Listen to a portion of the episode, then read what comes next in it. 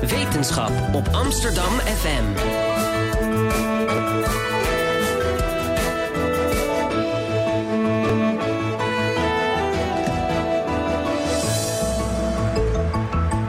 Radio Swammerdam. Goedemorgen dames en heren en welkom bij Radio Zwammerdam, het meest wetenschappelijke uurtje radio van Amsterdam. En tevens ook de slimste podcast van Nederland. Ik ben Henk Ruig van der Werven en ik presenteer deze uitzending samen met Elmer Rikhoff. Dit is de tweede uitzending in het dossier Zwammerdam Goes Green. Elmer, jij bereidde de eerste voor. Waar ging ja, die over? dat klopt. Eh, dat ging eigenlijk over ecocidewetgeving en de noodzaak hiervan voor een duurzaam klimaatbeleid. Want eh, op dit moment eh, is ecocide, dat is eigenlijk genocide tegen natuur, is niet strafbaar. Waardoor overheden en bedrijven gewoon hun gang kunnen gaan met het vernietigen van de natuur. Zonder dat hier eigenlijk een straf tegenover staat. En zo'n internationale ecocide-wetgeving zou dit dan in de toekomst strafbaar moeten stellen. Nou, dat is, uh, de, de, die aflevering kan je terugluisteren via onze podcast en via de website van Amsterdam FM. Um, dus in de uitzending over internationale uh, wet, milieuwetgeving. Maar deze aflevering zoekt het iets dichter bij huis. Uh, je auto uitlenen, koken voor je buren, je bank of huis delen met onbekenden, met de buurt energie opwekken of je gereedschapskist ter beschikking stellen aan mensen die zelf geen klopper hebben. Allemaal manieren waarop je zelf op makkelijke manier bij kan dragen aan een schone milieu. We gaan hierover praten met hoogleraar innovatiestudies aan de Universiteit van Utrecht, Koen Frenken. Tijdens zijn inauguratie als hoogleraar afgelopen februari ging zijn oratie voor het grootste gedeelte over de zogenaamde deeleconomie. Uh, welkom meneer Frenken. Heeft u zelf al eens een couchsurfer in huis genomen? Nee, ik heb me beperkt tot het autodelen. Dat is ook goed. Met welke app gebeurt dat? Uh, ik was uh, bij Connectcar hier in Amsterdam lid, totdat ik zelf een auto ging kopen. Goed zo. Nou, mooi. Uh, ja, onze columnist van vandaag is uh, ja, eigenlijk een gastcolumnist, Sterre ten Houten de Lange. Ja. Um, ja, Sterre, waar gaat jouw column over vandaag? Het gaat over katten en hun karakters. Dus het is niet zo heel wetenschappelijk, maar wel leuk voor de zondagochtend. Oké, okay, leuk. Ja, ik hoorde toevallig uh, van Koen dat de katten ook gedeeld worden. Dus dat ja, past op zich wel bij de deeleconomie. Ja, wij hebben twee katten thuis met z'n tweeën. Dus we hebben alle twee twee halve katten. Telt dat dan als delen? Mm, ik, kijk, ik kijk Koen even aan. Telt dat als delen? Gedeeld eigenaarschap kan je ook onder deeleconomie rekenen. Nou, dan uh, horen we erbij. Maar wat ik bedoelde net met katten delen is als jij op vakantie gaat, uh, kan je je kat uh, ter beschikking stellen aan iemand anders die er dan plezier van kan hebben. Ja, of je hele huis met de kat erbij. Ook, kan ook. Nou, we gaan zo verder praten over de kat. We gaan eerst weer even terug naar het begin van de deeleconomie. Um, je bent hoogleraar Innovation Studies. Wat houdt het eigenlijk precies in? Nou, wij uh, leren onze studenten nadenken over de effecten van uh, nieuwe technologieën uh, op economie, milieu en maatschappij. En we, en we kijken dan met name naar energie, mobiliteit en medicijnen. En daar doen we ook onderzoek naar. en deeleconomie is daar één voorbeeld van. Want u heeft het ook over doorbraakinnovaties. Ja, wij zijn met name geïnteresseerd in, uh, in, de, in de wat uh, grotere innovaties. En, en, en de problemen die vaak uh, optreden bij die innovaties om de juiste wetgeving voor te maken, geaccepteerd te krijgen bij het publiek.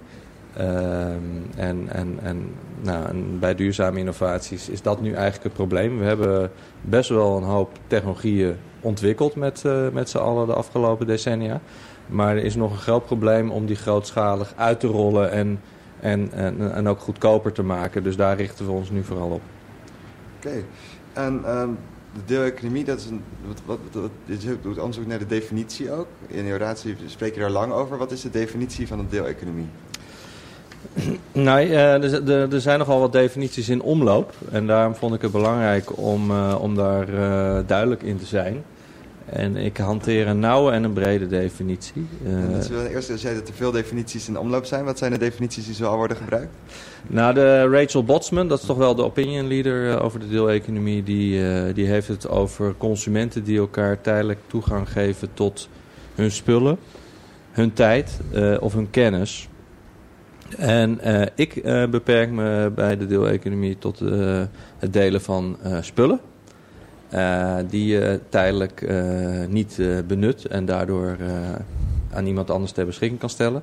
Dus dat kan zijn je huis, je auto, gereedschap, kleding, dvd's voor zover mensen die nog draaien.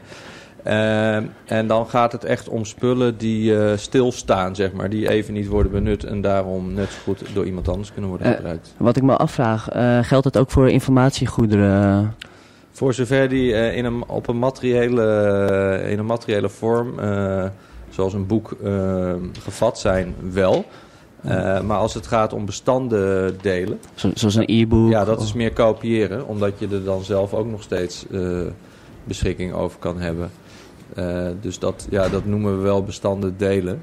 Maar ik, ja, ik, ik noem dat kopiëren, omdat ja, je dan nog steeds zelf ook beschikking hebt over dat eh, bestand. Het woordje onbenut laten is dus heel belangrijk eigenlijk. Ja, want kijk, je hebt natuurlijk ook mensen die bijvoorbeeld twee, een, een tweede huis kopen en die permanent verhuren.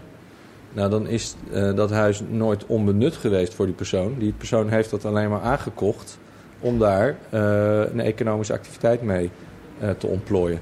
Dus het moet gaan om co- consumenten die hun eigen goederen, die ze zeg maar dagelijks gebruiken, zoals een kat, kan je daar ook nog onder rekenen. Eh, maar die ze op bepaalde momenten eh, in het jaar eh, niet gebruiken. En dan ter beschikking stellen aan anderen. En dat kan dus voor geld zijn, maar kan ook gratis zijn. Dus het is het uitlenen of het verhuren van je eigen goederen. Maar wat zijn nu concrete voorbeelden die veel worden gebruikt, die duiden op een de- deeleconomie? Nou, autodelen is denk ik wel het bekendste voorbeeld. En, en daar, daar komt denk ik ook het woordje delen vandaan. Je deelt die auto in het gebruik.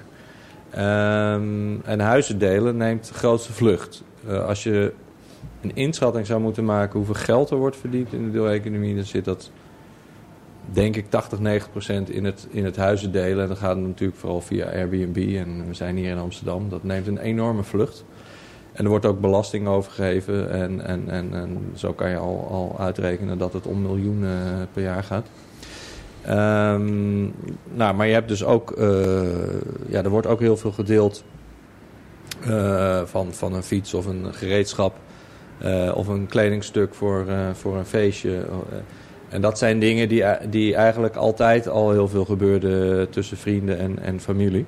Maar waar je nu ook websites voor ziet eh, ontstaan. Eh, terug, ik vind het ook wel, ik vind het wel grappig, want voor mij is dat, de deeleconomie heeft het zo idealistisch. Iets wat heel milieuvriendelijk zou moeten zijn, iets, iets wat een soort sociaal ding is. Maar het is dus niet zo dat, dat geld daarbij uitgesloten is. Ik heb niet het idee dat het om geld draait, maar het is wel bij eh, de FCI die u net noemde, is wel dat ook geld een rol speelt. Nou, dat is mijn, in mijn definitie eh, hanteer ik geen normatieve eh, onderscheid. Dus of, het, eh, of mensen het nou doen voor geld of niet. het gaat mij meer om, om het objectieve fenomeen dat mensen spullen bezitten die ze af en toe ter beschikking stellen aan anderen. En die, die deeleconomie die bestond dus altijd al. Eh, want eh, ja, wij lieten voor het het internet ook wel eens iemand in ons huis logeren als we op vakantie gingen. En misschien vroegen we er ook wel eens wat geld voor.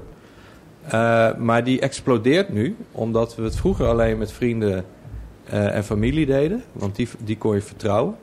En nu doen we het ook met vreemden. Dat noemen ze dus ook stranger sharing. En dat durven wij nu, omdat die websites onzekerheden wegnemen. Eh, die ontstaan als je met vreemden gaat eh, delen. Dus je hebt eh, reviews die je kan lezen, maar je kan ook vaak verzekering afsluiten. Er zijn garantiefondsen. En daardoor eh, wordt, het, wordt het veel groter dan voorheen. Het vertrouwen is daar een belangrijk ding in natuurlijk. Want ja, je vrienden of je kennissen die kan je vertrouwen, maar nu laat je vreemden in je huis zitten. En hoe zit dat met het vertrouwen? Waarom vertrouwen mensen een vreemde in hun huis? Of wat, waarom vertrouwen mensen die reviews? eh, Ja, nou, ehm, ik denk dat in sommige subculturen, en die wel aan de, aan de voet hebben gestaan van die deeleconomie, en dat zijn dan eh, ja, een beetje cosmopolitische jongeren, eh, die, die durfden sowieso meer risico te nemen. En, eh, en, en, en die lieten vaak ook mensen in hun huis die een beetje op hun leken. Nou, mensen die op je lijken, die vertrouw je ook eerder. En er werd ook wel vaak vooraf even, even gemaild of geskyped van eh, hey, wie ben je eigenlijk en eh, dit en dat. Eh, maar al snel ehm, ja, ontstonden dus die reviews, zoals je terecht opmerkt. En als jij heel veel reviews hebt, dan ga je dat ook wel als betrouwbare informatie zien. Hoewel er altijd een kans is dat sommige reviews niet, niet kloppen. Ehm, En eh, ja, daarbij is, is, is, is, is wel het probleem dat eh, het zou kunnen zijn dat er ook steeds meer betaald wordt om een goede review te krijgen. De, oftewel dat de huurder korting vraagt in ruil voor eh, het schrijven van een goede review. En dan gaat dat systeem dus mank.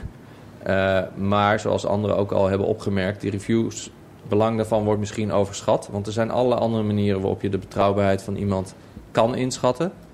Eh, je kan bijvoorbeeld iemand gaan googlen. Je kan kijken of het via Facebook of, of, of gewoon een homepage heeft. eh, wat voor een beroep iemand heeft. Dat zijn allemaal cues die mensen gebruiken, terecht of onterecht. Om te kijken of iemand eh, te vertrouwen is. En, ja, en ook al loop je een klein risico, er staat ook weer een bedrag tegenover. Dus men is ook bereid om een klein risico te lopen als daar een, een mooi bedrag tegenover staat. Je had het over dat eh, de, de, de, mensen die aan de, eh, aan de voet staan van, dit, deze beweging, de economie, wat, zijn de, wat, waren de eerste bewegingen erin? Nou, bij autodelen hè, hebben we het over greenwheels bijvoorbeeld. Dat bestaat nog steeds. Nou, het woordje green zegt het al. Dat waren echt mensen die geloofden in een wereld dat je niet een eigen auto hoefde te bezitten. Er waren vaak frequente OV-gebruikers die af en toe toch een, eh, een auto nodig hadden. En eh, ja, en, en, en, en er zaten echt idealistische, een beetje GroenLinks-achtige eh, mensen achter. Ehm, bij, bij huizendelen begon het vooral met huizenruil. Nou, dat was ook eh, aan de ene kant een manier om kosten te besparen. Voor mensen met ook een kleine beurs om, om een leuke vakantie te hebben. Maar ook om mensen dan te ontmoeten. Want ook al ruilde je je huis, vaak was er wel even een, een ontmoeting. Al was het maar om dingen uit te leggen, de sleutel over te dragen, dit en dat. En daar kwamen vaak hele leuke contacten uit voort. En soms gingen mensen telkens elk jaar weer eh, in datzelfde huis eh, zitten. Dus de huizenruil bestaat ook al veel langer dan het woordje deeleconomie. Huisruil Zo- klinkt ook heel erg als iets wat mijn ouders deden in de jaren 60 Ja, en 70. maar het is ook een van de eerste websites die is ontstaan. Eh, ik geloof eh, 2000 of iets dergelijks. Dus ver voor Airbnb had je al een aantal huizenruil websites. En toen kreeg je dat couchsurfing. Eh, nou, dat was ook eh, idealistisch. En daar vroeg je ook geen geld voor. Eh, en dat was heel informeel. En op het laatste moment kon je dan soms nog een, een logeerplek regelen. Dus dat waren eigenlijk allemaal subcultuurtjes. En eh, dat zie je wel bij, ook bij andere innovaties, dat dingen vaak beginnen in een subcultuur. Eh, en dat het dan mainstream wordt, maar dat dan ook de innovatie zelf eh, enigszins ja, verandert en, en wordt aangepast, zodat ook eh, ja, eh, de man op de straat, of hoe je die ook wil noemen, eh, gaat, gaat meedoen in, in zo'n in zo'n innovatie. En dat is bijvoorbeeld door allerlei waarborgen en, en vertrouwenswekkende mechanismes in te bouwen zodat mensen eh, in, in de massacultuur ook, ook mee gaan doen bij zo'n innovatie. Je, je ziet nu ook dat steeds meer bedrijven zich gaan mengen in de deeleconomie. Eh zoals met Airbnb heb je nu eh, bedrijven die, die dan huis gaan opkopen en die dan gaan Airbnb'en. Eh, wat doet dat eigenlijk met de deeleconomie? Ja, dan ga je eigenlijk weg van eh, de definitie inderdaad. Eh, kijk, bij, bij Airbnb heb, heb ik ook altijd gezegd van mensen die permanent een huis verhuren, dat kan je geen deeleconomie noemen. Dat is gewoon een hotel runnen. Dus het moet echt om incidenteel verhuur gaan van het huis waar je zelf anderszins in woont. En dat is ook hoe het wordt gereguleerd. De gemeente Amsterdam staat toe dat het maar 60 dagen per jaar mag. En dat is Mhm. precies om het ook deeleconomie te laten blijven. Eh, en daarom is het belangrijk dat mensen die afwijken van die regels eh, ja, worden gepakt, eh, vind ik. Eh, kijk, als je regels hebt, moet je ze ook proberen te, te handhaven. En dat probeert de gemeente ook wel, maar het is lastig. Eh tweede eh, voorbeeld hiervan eh, is dat mensen een auto gaan kopen, omdat ze weten dat ze het een paar keer per maand kunnen verhuren. Eh, en anders hadden ze die auto misschien niet verkocht, of gekocht. Ja, dan, dan, dan eh, zou je kunnen zeggen, eh, dan gaat autodelen niet minder, maar misschien juist weer een beetje meer auto's opleveren. Ik denk dat, dat, dat het aantal van die mensen vrij laag is hoor trouwens. Maar ja, je kan, je kan niet altijd een onderscheid maken eh, tussen de vraag... heeft iemand iets gekocht voor zichzelf en gaat hij hem dan delen? Mhm. Of zit in de aankoop al de gedachte, ik ga hem ook delen? Maar dat zit wel inmiddels in de prijs van huizen verwerkt natuurlijk. Dus een van de redenen dat die prijzen in Amsterdam en Utrecht, dat soort steden, snel stijgt... is dat eh, men al verdisconteert dat je een x aantal dagen per jaar kan verhuren. Dus gaat de waarde van een huis ook omhoog. Even terug naar de herkomst ook van de, van, van de, van de shared economy. Is het ook dat nu is eigenlijk wel, je hebt natuurlijk Airbnb bestaat, en Airbnb volgens mij spreek je Ja. het uit.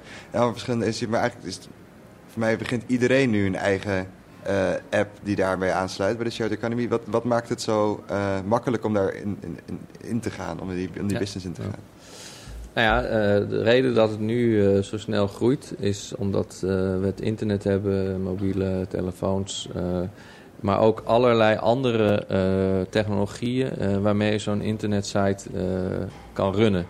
Dus kijk, iedereen die een goed idee heeft, kan een platform oprichten waarin mensen ja, vraag en aanbod aan elkaar worden gekoppeld.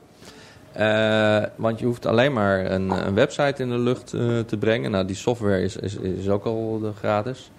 En als het om betalingen gaat, kan je daar een betaalmodule aan koppelen. Eh, je hebt allemaal... eh, Die ook gratis is, toch? ja, da, daar ja, dat betaal je zeg maar per betaling eh, aan, aan degene die dat weer runt. Eh, en, eh, en dan probeer je via de media je marketing eh, te doen. En, en, en zo probeert iedereen de next Airbnb eh, te Dus de investering is eigenlijk heel klein en je hebt de mogelijkheid op grote winst. Dat is wat, wat voor veel mensen... Ja, de investering is klein, maar het is heel lastig om veel gebruikers te krijgen. Dus net zo goed als het heel makkelijk is om een radioprogramma te starten, Mhm. is het heel moeilijk om, eh, om heel veel luisteraars te krijgen. Want iedereen concurreert om diezelfde aandacht. Ehm, en daarom is, is marketing cruciaal. Eh, en eh, wat je ook ziet bijvoorbeeld bij, bij Snapcar, dat is het grootste platform Mhm. voor autodelen in Nederland. De twee oprichters daarvan, die hebben een marketingachtergrond. Dat is eigenlijk hun kracht. Want de technologie is niet moeilijk. Ja, je moet wel goede programmeurs in dienst hebben, maar dat is, is goed te doen.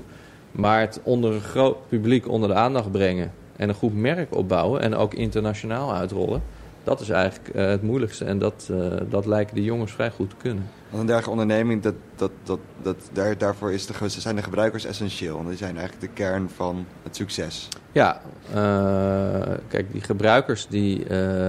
als je op een gegeven moment veel gebruikers hebt, dan krijg je ook veel reviews, bijvoorbeeld op je platform. Dan, wordt, dan krijgen nieuwe gebruikers ook meer vertrouwen in je platform.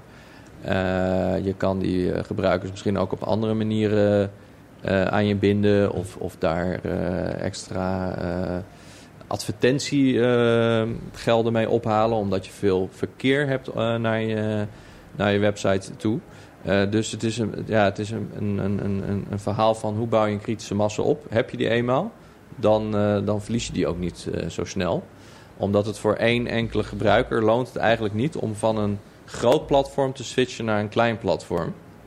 Waar die eh, reviews nog niet zijn, waar eh, ja, het vertrouwen er, nog niet is. Dus pas als gebruikers collectief, om wat voor reden dan ook, besluiten: jongens, dit platform vinden we niet meer leuk. We gaan, eh, we gaan nu auto's delen via dat platform. Dan kan je opeens wel je gebruikers verliezen. Dus je moet je PR ook heel goed op orde hebben. En het lijkt eigenlijk ook wel dat bij binnen elk bedrijf, bijvoorbeeld auto delen of huizenverhuur of spullen uitlenen, dat het een, een, een, bepaalde, al die bedrijven een soort monopoliepositie hebben. En komt dat dan ook door die gebruikers dat het eigenlijk erom gaat dat iedereen eigenlijk naar één ehm, Ja. bedrijf toetrekt? Ja, je creëert eigenlijk waarde voor elkaar door eh, allemaal op dezelfde website eh, ge- ja, eh, transacties te doen, informatie achter te laten. Eh, net zo goed als wij bijna allemaal eh, Google gebruiken, omdat wij door dat te gebruiken de zoekopdracht van Google weer verbeteren. Dus we zitten met elkaar allemaal waarde toe te voegen, maar het platform weet die waarde zich toe te eigenen en daar eh, een winstgevend model eh, van te maken. Maar dat, dat gevaar van een monopolie moet ook weer niet overschat worden. Eh, want je ziet nog steeds wel dat nieuwe platformen komen en gaan. En we moeten ook niet vergeten dat het nog heel klein is als je vergelijkt met de reguliere economie. Dus, dus, dus voorlopig denk ik dat dat niet een, een, een, een- zorg is die we, die we nu moeten hebben. Ja, dat, Eh, dat vroeg ik me wel af van in hoeverre zet eh, een deeleconomie eigenlijk de, de huidige economie op zijn kop, eh, waarbij eigenlijk ieder jaar meer groei is vereist. Dru- drukt dat de groei niet? Nee, want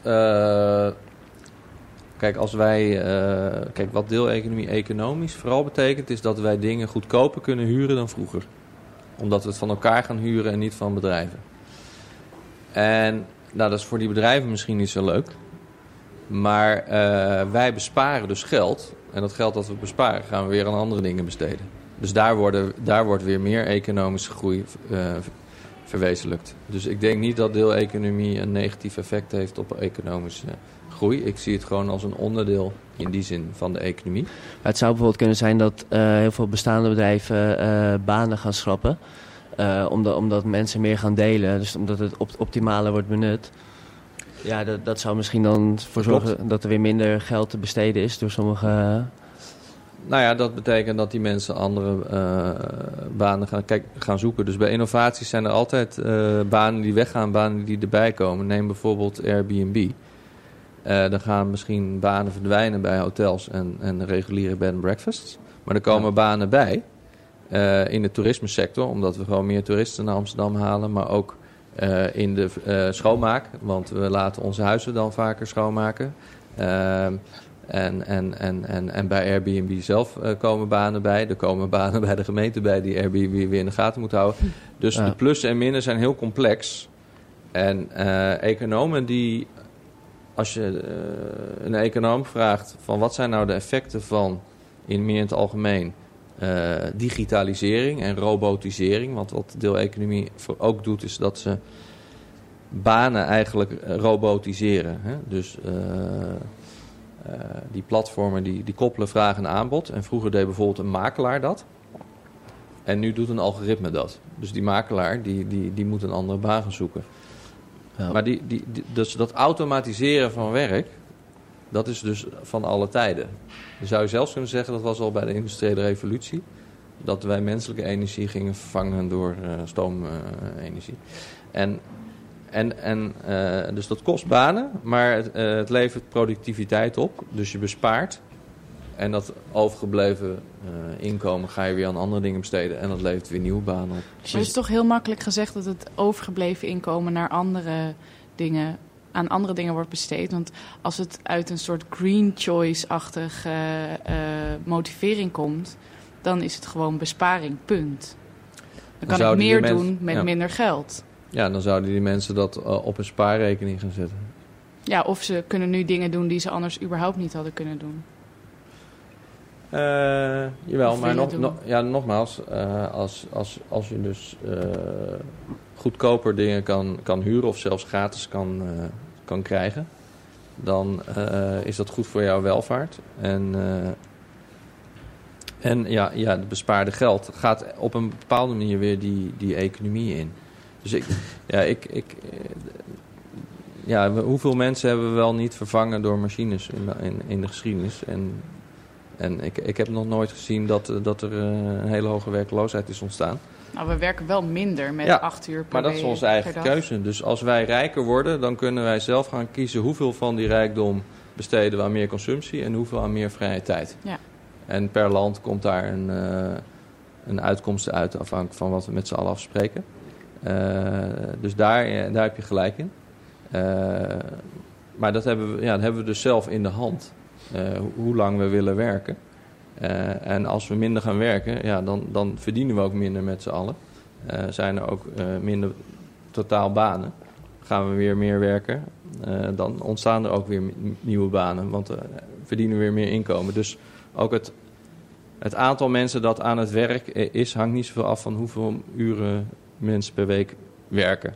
Kijk ook maar naar Frankrijk, daar hebben ze 35 uur werkweek ingevoerd en hebben nog steeds veel hogere werkloosheid dan in Nederland. Dus dat, daar ligt niet de oplossing. Dat is gewoon een keuze tussen hoeveel wil je consumeren en hoeveel vrije tijd wil je hebben.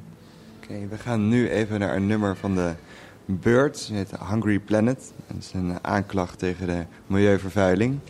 Uh, daarna komen we terug en dan gaan we naar de column van Sterren. Die is voor uh, één keertje terug bij Radio Zomerdam. En dan praten we verder met Koen Frenk over de deeleconomie. you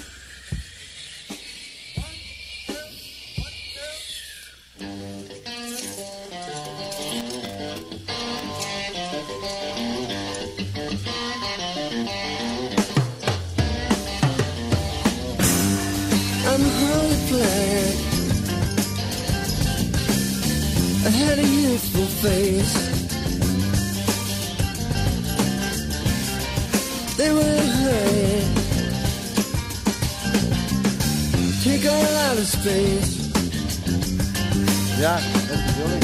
Ik hoorde het met de koptelefoon.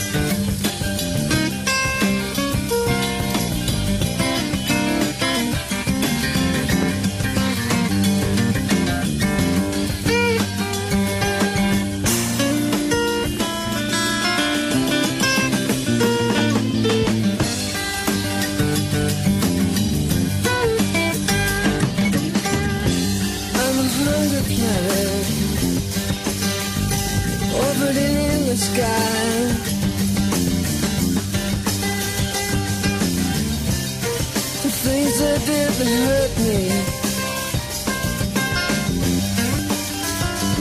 pass on by and by. Now here I am, all alone. They never ever learn. Why had to shake and quake and make their houses burn.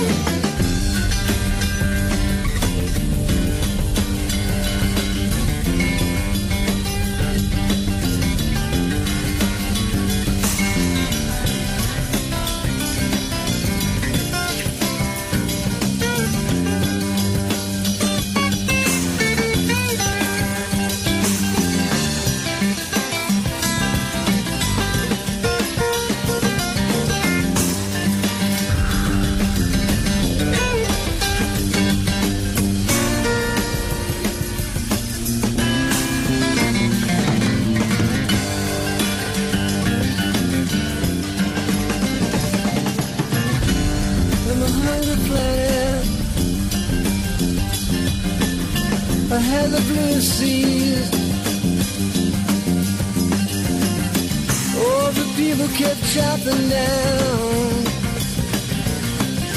on my finest tree. Poison in my oxygen, digging in my skin, taking my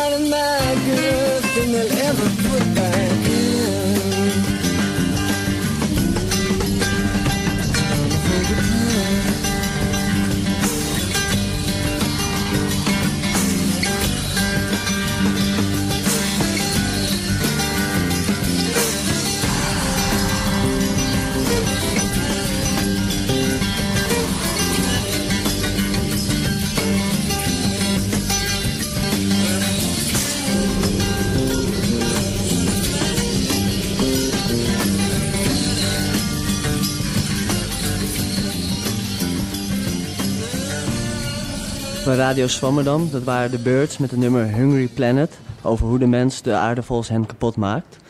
Ehm, ja, het is nu tijd voor de column met Sterren ten Hout de Lange. Ja, eh, en mijn column gaat over katten. Ik heb altijd al katten om me heen gehad. Het is eigenlijk vooral dankzij mijn vader, want hij had altijd katten en ik vanaf kleins, a- kleins af aan ook. Het verbaast me altijd dat mijn vader hele levensverhalen over die katten kon vertellen.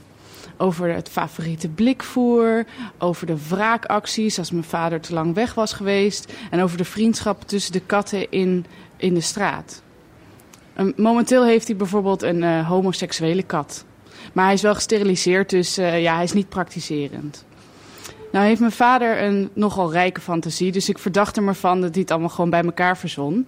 Maar nu heb ik zelf twee katten en blijkt dat ze- deze katten daadwerkelijk een individueel karakter hebben. En mijn katten heten Mao en Luna en zijn broer en zus. En Mao is een grijs-wit koelgevlekte kater. Uh, en hij is een beetje het prinsje in huis. Hij is uh, nogal gesteld op zijn privileges. Hij zit altijd uh, hoog, ergens bovenop een kast. En hij slaapt midden op de bank, terwijl zijn zusje Luna het, haar nestje onder de bank heeft. Het huis is Mao's domein en dingen gebeuren op zijn voorwaarden.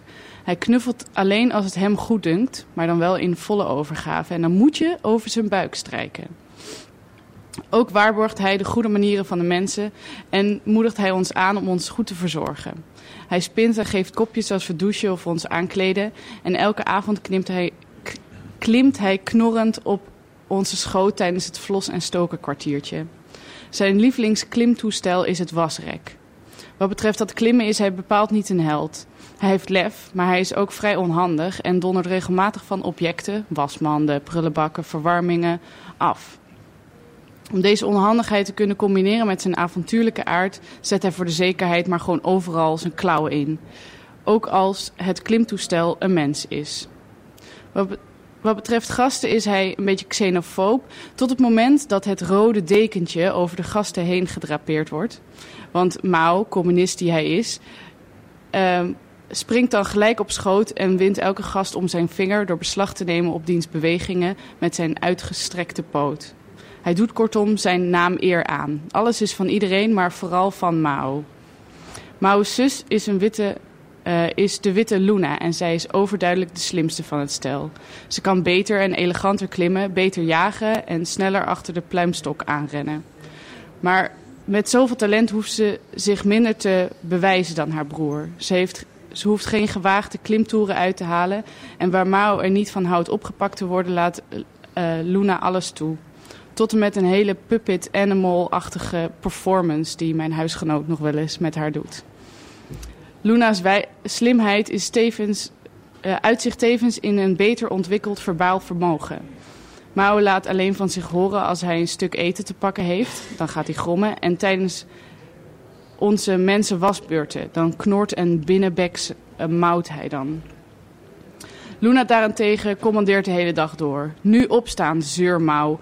Lekker eten, schreeuwmouw. Hoezo mogen wij niet mee douchen, beledigde Mouw. En de nu wil ik een andere kamer beschouwen, drammouw.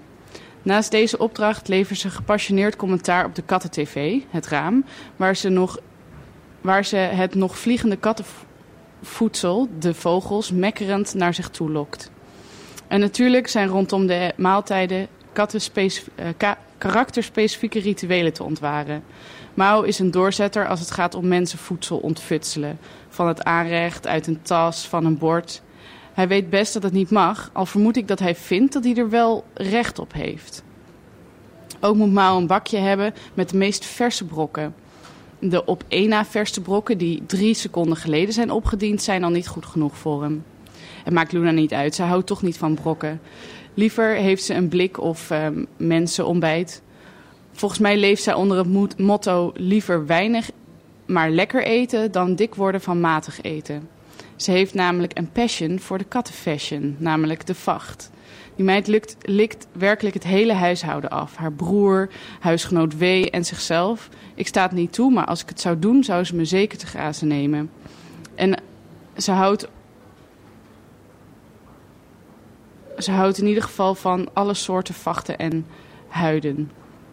Beide katten vinden het het allerfijnst als huisgenoot W en ik na een dag afwezigheid op de bank ploffen en rustig met elkaar de dag doornemen. Op die momenten komen de katten spinnend uh, bij, tussen ons in zitten en zijn, ze, en zijn we met z'n allen een gelukkig gezinnetje. Het is wellicht het toppunt van burgerlijkheid, maar je dagen slijten met het observeren van je katten, dat is ook wel ontzettend fijn. Dankjewel Sterre en welkom terug bij Radio Zwammerdam. We kunnen wel een maandelijkse serie gaan beginnen over jouw katten, zo te horen. um, ja, we gaan zo verder praten over de economie, maar eerst wil ik even een fragmentje laten horen van Tegenlicht, VPRO, over de deeleconomie.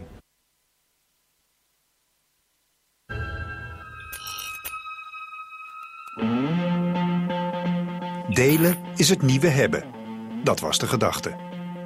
De deeleconomie als tegenwicht voor het consumentisme en hyperkapitalisme.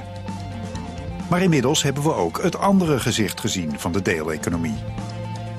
Couchsurfing is verworden tot Airbnb. Wat een hele nieuwe groep likkebaardende huisjesmelkers opleverde. En autodelen is uitgegroeid tot Uber. Een agressieve monopolist met een geschatte beurswaarde van 18 miljard dollar. Die vooral gericht is op winstmaximalisatie. Hoe moeten we aankijken tegen de deeleconomie? Wat is de waarde? Waar liggen de kansen en wat zijn de gevaren? Een van de eerste die de potentie van de deeleconomie signaleerde was Rachel Botsman, de auteur van het boek What's Mine is Yours. The media have gone crazy. You know, The Economist ran this big piece. They said it's time to start caring about sharing. Three of the companies in the space have received um, multi billion dollar evaluations. Um, they've estimated it will be $25 billion this year, and that will jump to $335 billion by 2025. So this is great, right? This is our dream come true. This is what we wanted to happen. But we're really worried. And the reason why we're really worried is that we are in a massive hype bubble. And we're worried that this space is getting so diluted and confused that we will kill it before it's even begun. The term the sharing economy, it's like the green movement, it's getting confused and diluted, and it's starting to be used for anything that is about disintermediation. So anything where you remove a company or a traditional um, institution and you provide things on demand through a marketplace is becoming the sharing economy. And I think that's a very limited way of thinking about it because people, you know, on the altruistic. Ja, dat was uh, Rachel Botsman. Zij werd geïnterviewd in het eh, VPRO, VPRO-programma Tegenlicht. En zij vertelt eigenlijk dat ze eerst heel idealistisch was over de economie... en dat ze nu toch dingen ziet verschuiven. Dat het van uh, idealistisch uh, couchsurfen naar voor geld Airbnb gaat. Ze heeft het ook over een hype-bubbel. Uh, wat is die hype-bubbel? Herken je die zelf ook? Ja, het is... Ja, het, wo het, woord is dus heel verwarrend, omdat het voor van alles en nog wat wordt gebruikt. En het heeft die positieve connotatie. En dat is waarom ik het liever objectief probeer te definiëren. En dan kan iedereen ervan vinden wat hij, wat hij wil. Kijk, de, dat er bepaalde utopische gedachten uh, ontstonden in het begin is, is niet zo raar. Het internet maakt een hele hoop mogelijk en ook nieuwe vormen van ontmoeten en, en met elkaar omgaan en spullen met elkaar delen. Maar ja, dat, dat het vervolgens een, een, een gewone business wordt, dat, dat, dat verbaast mij uh, niets. Want ja, ik heb nooit ingezien welke eh, basale instituties van onze samenleving hiermee zouden gaan uh, veranderen. Plus, dat heb ik net ook gezegd, we, we, deelden vroeger ook al. Dus het is een praktijk die, die, die, die, al bestond en die nu wat, die nu wat groter wordt. Um, en die in, een aantal industrieën nieuwe verdienmodellen opleveren. en dus ook voor bestaande bedrijven problemen opleveren. Maar ja, dat is met elke innovatie uh, zo. Dus ja, ik, ik probeer het gewoon te analyseren zoals elke andere nieuwe bedrijfstak die ontstaat. waar je trouwens ook vaak in het begin verwarring ziet, controversies ziet, overgespannen verwachtingen. En dan vervolgens ontstaat er een soort uh, standaard bedrijf. Nou, dat is eigenlijk Airbnb geworden. En die wordt dan gekopieerd in, in heel veel andere sectoren. Volgens mij heeft zij het niet over, het over business as usual. Maar volgens mij ziet zij die bedrijven nu niet meer als business as usual. Maar dat ze iets, iets, iets een heel andere mate van grootte aannemen.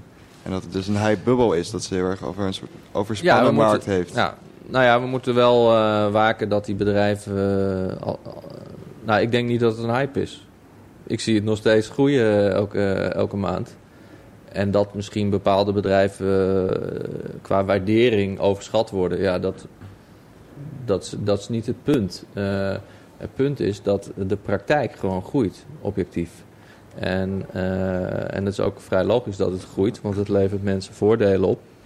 Uh, en je hoeft er ook geen investering voor te doen, want de mensen hebben die spullen al in bezit en gaan ze gewoon verhuren aan elkaar.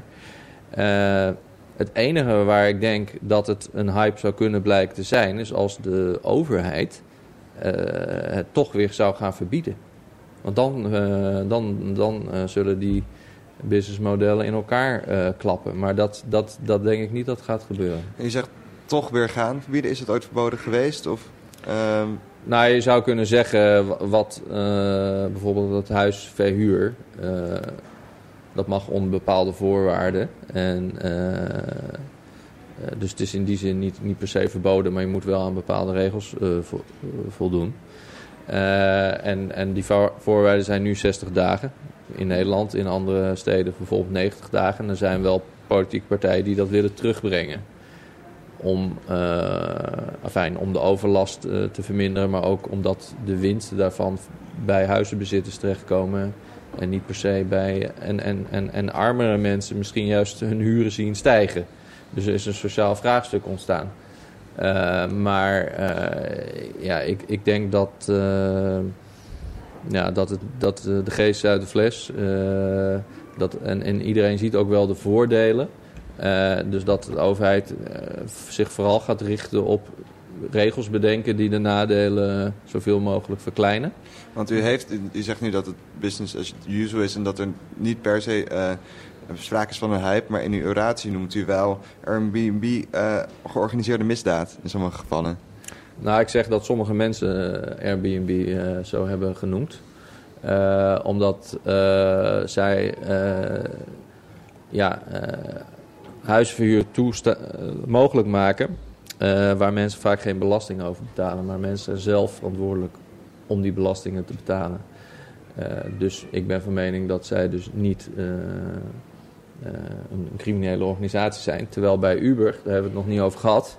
Hè, dat is de taxidienst. Ja, Uber wordt vaak dezelfde adem genoemd als de deeleconomie. Ja, nou, ik vind dat geen deeleconomie. Want als jij een eh, taxi eh, bestelt, dan wordt de capaciteit gecreëerd. Want als jij niet, had als jij niet eh, op die app had gedrukt, dan, dan was die taxi nooit gekomen. Dus eh, er is niet sprake van betere benutting van iets wat anders on, onbenut zou zijn. Eh, terwijl BlaBlaCar, dat je eh, meelift met iemand die die rit al had gepland, is wel deeleconomie. Want als je niet zou meerijden, zou die stoel onbezet eh, gebleven zijn. Dus BlaBlaCar is, mooi wel, is juist wel deeleconomie en Uber eh, niet. Maar om even terug te komen dan op die vorige vraag. Uber is wel illegaal. Omdat zij het hebben mogelijk gemaakt dat mensen zonder taxivergunning taxidiensten gingen aanbieden. En je ziet ook dat in, in bijna alle landen of de wetgeving is aangepast zodat het eh, legaal wordt. Of de wet eh, niet is aangepast en wel is gehandhaafd. En, eh, en ze zijn verboden en ze ook weer toch zijn gestopt. Dus die Uber-discussie, die moet je denk ik weghouden bij de deeleconomie-discussie. Want A, het is geen deeleconomie. B, het is illegaal. Maar wat delen is helemaal niet illegaal. Je mag je auto delen, je mag, je, je, je- je mag alles delen wat je, wat je wil. Alleen bij huizen zijn er extra regels opgesteld en daar moet je wel aan voldoen. En ik dacht me opeens, wij zijn natuurlijk eigenlijk vandaag Radio Zwammerdam Goes Green. Je had net over autodelen, dat is natuurlijk eh, goed voor het milieu. En in welk opzicht kunt u kort weer schetsen waarom eh, de deeleconomie goed zou zijn voor het milieu? Nou, eh, je gaat, eh, je gaat met z'n allen minder spullen gebruiken. Eh, of je gaat, ja, je gaat minder spullen beter gebruiken. Dus eh totaal aantal kilometers dat we met z'n allen gaan rijden met auto's, dat kan hetzelfde blijven of kan zelfs gaan groeien. Maar we gaan het met veel minder auto's doen. Dus de milieuwinst zit erin eh, dat er minder auto's worden geproduceerd en gesloopt. En ook omdat ze vaker worden vervangen kan je ook sneller nieuwe technieken gaan introduceren. En het leent zich heel goed voor elektrische auto's. Want elektrische auto is heel duur in aanschaf. Eh, maar goedkoop in gebruik. Dan, dan is het logisch dat je het met zoveel mensen, mogelijk mensen gaat eh, gebruiken. Dus die milieuwinst zit hem in, in de minder productie, minder sloop. Maar we moeten wel opletten, want als eh, daardoor het goedkoper wordt om iets te gebruiken, gaan we het misschien meer gebruiken. Ja, en, u- En in het gebruik wordt ook natuurlijk energie verbruikt. Eh, dus als je alle plussen en minnen eh, optelt, dat heeft het eh, Planbureau voor de Leefomgeving vorig jaar gedaan. Dan komen zij erop uit dat ongeveer voor iedere 10 mensen die gaat autodelen, drie auto's verdwijnen. Nou, dat is niet trouwens alleen milieuwinst, ook ruimtewinst. Hè? Kan je ook weer een leuk speeltuin of wat even van, van aanleggen. En er wordt ook iets minder kilometers gereden. Dat is ook het goede nieuws. Omdat mensen bijvoorbeeld hun eigen auto wegdoen. En dan veel bewuster bij elke trip een afweging gaan maken. Ga ik met de fiets, eh, openbaar vervoer of de auto. Eh. maar, maar er zijn mensen eh, die juist meer eh, gaan autorijden vanwege auto. En in die oratie noemt hij dat het rebound-effect, toch? Eh, i- i- nou ja, het, re- het rebound effect is ook dat, dat, dat als we geld besparen, omdat dingen goedkoper worden om te, om te huren, dan gaan we met dat gespaarde geld andere dingen consumeren en die kosten ook altijd weer energie. En het ergste is, is als wij eh, vanwege Airbnb vaker gaan vliegen. Maar Ja, zit, zit, dan, hierin dan ben nog, je milieuwinst meteen weer kwijt. zit hierin nog verschil tussen arme landen en rijke landen? Hoe die omgaan met deeleconomie? Een goede vraag. Ik, ik, ik denk dat in armere landen de deeleconomie al veel verder was eh, gevorderd. In ieder geval de circulaire economie. Want daarin werden dingen... eh, nou ja, niet, niet alle dingen werden goed gerecycled. Ehm, nou, ik denk, nee, ik denk dat er in essentie geen, geen verschil is. Dus als je spullen met meer mensen gebruikt, heb je minder spullen nodig. En dat levert een, een lagere belasting op, eh, op ruimte en, en op energie eh, en, en materiaalgebruik. Ja, en, en dan kunnen mensen weer nieuwe dingen daarvoor kopen. Eh, of nieuwe dingen daarmee doen met het geld dat ze dat overhouden. rebound effect heb je, heb je natuurlijk overal. Dus waar ik eh, en anderen voor pleiten is... Kijk, het mooie van die deeleconomie is dat je nu een alternatief hebt voor eigen bezit. En dan kan je eigen bezit ook meer gaan belasten fiscaal. Dus hogere belasting gaan heffen, bijvoorbeeld op autobezit. Als je dat vroeger voorstelde, en ook op parkeren trouwens. Parkeren is eigenlijk heel goedkoop. En als je dat vroeger voorstelde als politicus, dat was eigenlijk... heel goedkoop, zegt hij. Ik Ja, nee. denk dat heel eh, veel mensen het daar niet mee eens zijn. nou, als jij eh, in, in Amsterdam woont, en eh, betaal je heel weinig voor een parkeervergunning. Minder dan de economische waarde van die parkeerplaats. Dat is, dat, dat is volgens mij ongeveer dat je 30% betaalt van de werkelijke waarde. Dat hangt natuurlijk een beetje af van waar je woont en wat je betaalt. Ehm, dus, en, en, en, en, en het is eigenlijk ook een subsidie voor de rijkere Amsterdammer. Want die hebben een auto. Eh, dus je zou eh, dat parkeerbeleid eh, kunnen aanpassen. En de, de parkeertarieven marktconform kunnen maken. Zou de VVD ook voor moeten zijn. Hè? want Die geloven altijd in markten. En, maar nu kan je zeggen, we, ont, ont, wij, we vinden niet dat mensen niet, geen auto mogen rijden. Maar je kan hem net zo goed gaan huren in plaats van zelf één te bezitten en 23 uur per dag een parkeerplaats bezet te houden.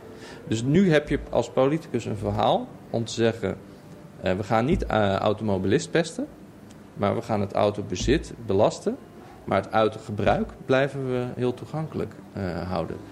En, en, en, en ik hoop dat politici nu zien, en ook de rechtse politici, dat dat eh, voor de stad een enorm veel ruimtewinst bijvoorbeeld kan opleveren. Maar dat we dan ook schonere en meer elektrische auto's krijgen. Want dat zijn typische auto's de- die, die gedeeld worden. En, wat, en waarom zou er dan meer, automatisch meer elektrische auto's komen als er meer gedeeld wordt?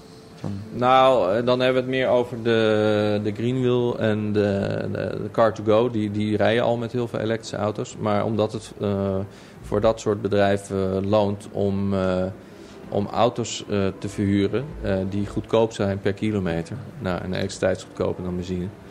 En eh, daarnaast kan je daar ook nog andere afspraken over maken als, als gemeente. Dat je zegt, oké, we gaan het elektrisch rijden verder bevorderen. En met name via het auto delen. Ja. We hebben net ook nog een Twitter-vraag binnengekregen via Michel Melita. Ehm, zij vroeg, eh, hoe komt het dat er nu eigenlijk nog, dat, de dat het aantal hotels nog steeds stijgt en het aantal Airbnb'ers ook? Hoe zit dat? Denk nou, dat, ja.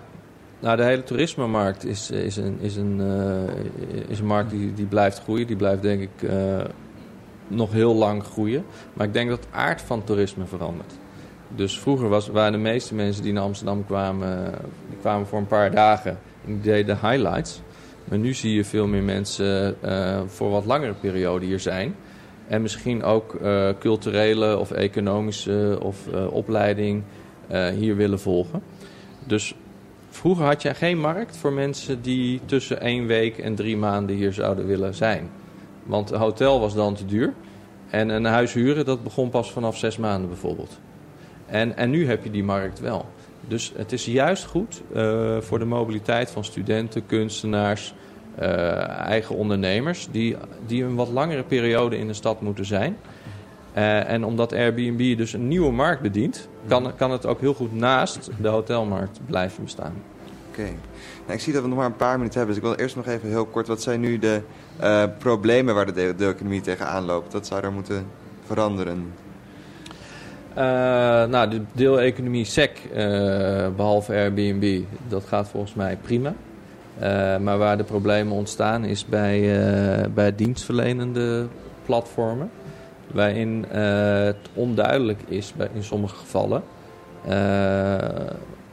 ja, wat de verantwoordelijkheid is van het platform. eh, jegens de, de freelancers die zichzelf aanbieden op dat platform. En, en stel nou dat jij dat je voor een bepaalde markt,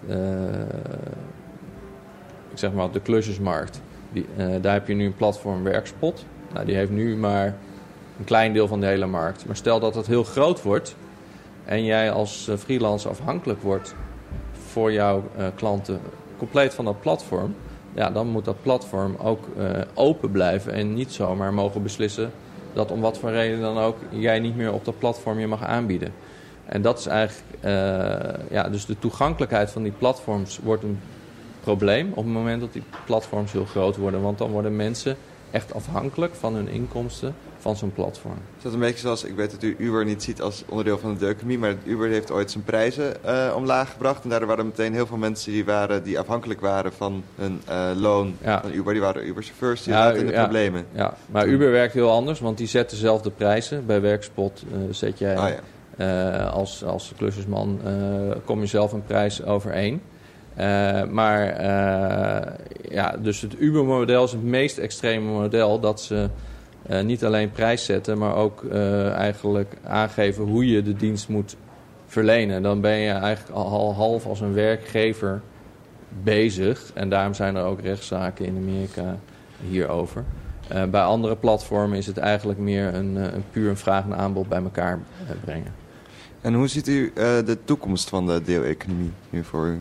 Hoe, Nou, ik hoe denk dat die, eh, dat die heel erg mainstream gaat worden en, en, en nog veel groter. Met name omdat alle producten een, eh, een, een chip krijgen, een verbinding met het internet. En dat je bij wijze van spreken op zondagavond in jouw Outlook-agenda even zegt... oké, die en die spullen heb ik die en die dagen niet nodig. En dat zonder dat je het weet, die dingen kunnen worden verhuurd. En dat je aan het einde van de week die spullen weer terug hebt en ziet van... hé, hey, ik heb zoveel verdiend. Dus dat we eigenlijk allemaal... eh, ja, eh, heel gemakkelijk on- onze spullen kunnen gaan delen. En het ook niet meer uitmaakt aan, aan, aan, wie, dat, aan wie dat wordt gedeeld. Heel, heel veel mensen zien de deeleconomie in, in het breedste zin van het woord ook wel ehm, als een soort van voorfase voor een circulaire economie. Ehm, deel jij die mening ook? Ja, ja, want ik denk als wij gewend zijn spullen niet te kopen, maar te huren... Of dat dan eh, die platformen waarop we die spullen gaan, eh, nu huren van elkaar... dat daar op een gegeven moment ook grote bedrijven hun spullen gaan aanbieden. Eh, maar dat zo'n platform dan, als, dan kan zeggen... oké, we gaan alleen die bedrijven toelaten... die eh, hun spullen produceren en ontwerpen volgens de laatste eh, duurzame principes... Ja. En dat je op, op die manier een, een, een, een, de deeleconomie een, een hefboom kan zijn voor grote bedrijven om hun spullen anders te ontwerpen. Ontwerpen dat ze makkelijker gedeeld kunnen worden, maar makkelijker gerecycled kunnen worden. En, en zo, zo weinig mogelijk eh, zeldzame materialen gebruiken. Oké, ik hoor de iTunes al lopen, dus we moeten gaan afsluiten. Ehm, bent u het niet eens met wat vandaag is gezegd in onze uitzending? Dan kunt u altijd reageren via ons e-mailadres. Dat is radiozwammerdam.gmail.com. U kunt reageren via Twitter of Facebook. Eh, u kunt de vorige uitzending van Elmer over ecocide kunt u terugluisteren via de podcast. En als u nu later bent bin- binnengevallen in deze, kan dat ook. Eh, dat kan via iTunes of Stitcher. Eh, later, van, later vanmiddag zullen deze fragmenten ook op de Soundcloud komen. En op de site van Amsterdam FM. Eh, er komt nog één aflevering in het dossier eh, Zwammerdam Goes Green. Ik weet nog niet precies waar deze over gaat. Misschien weet jij het, Elmer? Nee, nee. Nou, dat wordt heel spannend, maar het wordt vast een heel leuk onderwerp. Eh, ik wil vandaag als, eh, mijn, ja, mijn co-host Elmer bedanken. Graag gedaan. eh, Sterre ten, ten Houten de Lange was voor één keer weer terug bij ons als columniste. Vond je het fijn? Ja, was leuk. Kom je weer een keer terug? Wellicht. Een tweede deel over je katten. En heel erg bedankt Koen Frenken. Tot de volgende keer.